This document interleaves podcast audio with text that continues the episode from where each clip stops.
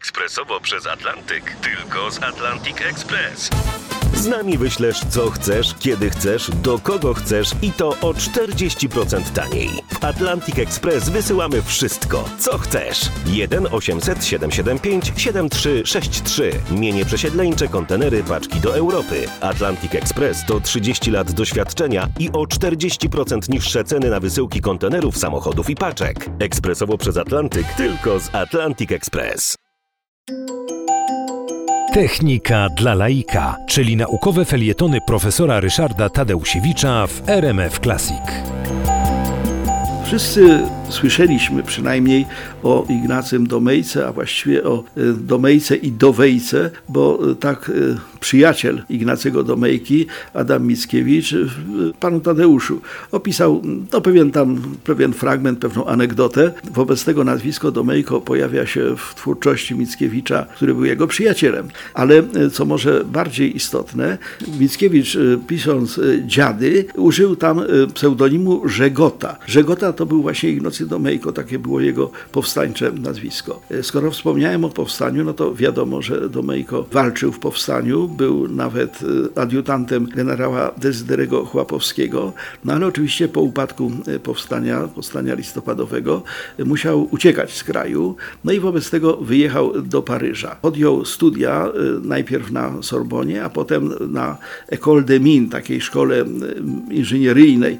Miałem przyjemność ją wizytować swojego czasu, właśnie darowując dar od Akademii Górniczo-Hutniczej dla École des Mines po piersie Ignacego Domejki. Otóż w 1837 roku Domejko ukończył studia geologiczne, dostał propozycję wyjazdu do Chile.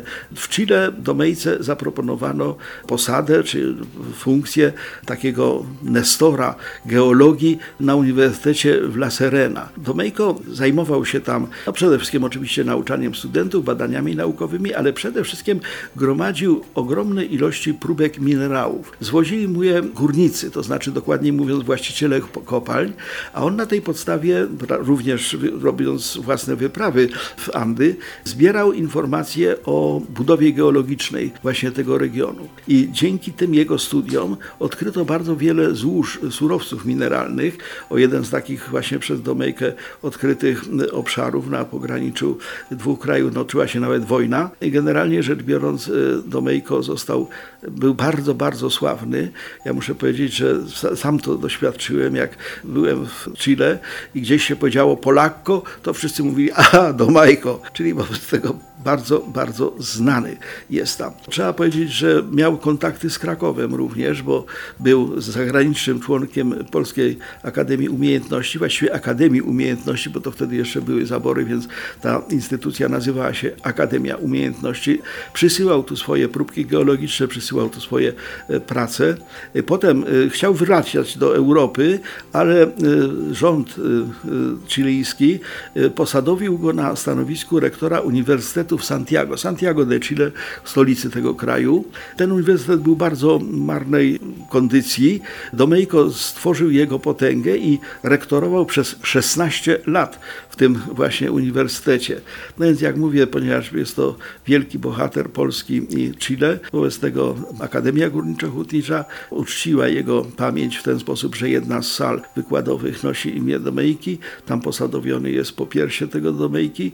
No i takie samo popiersie ja osobiście jako rektor AGH zawiozłem do Mines.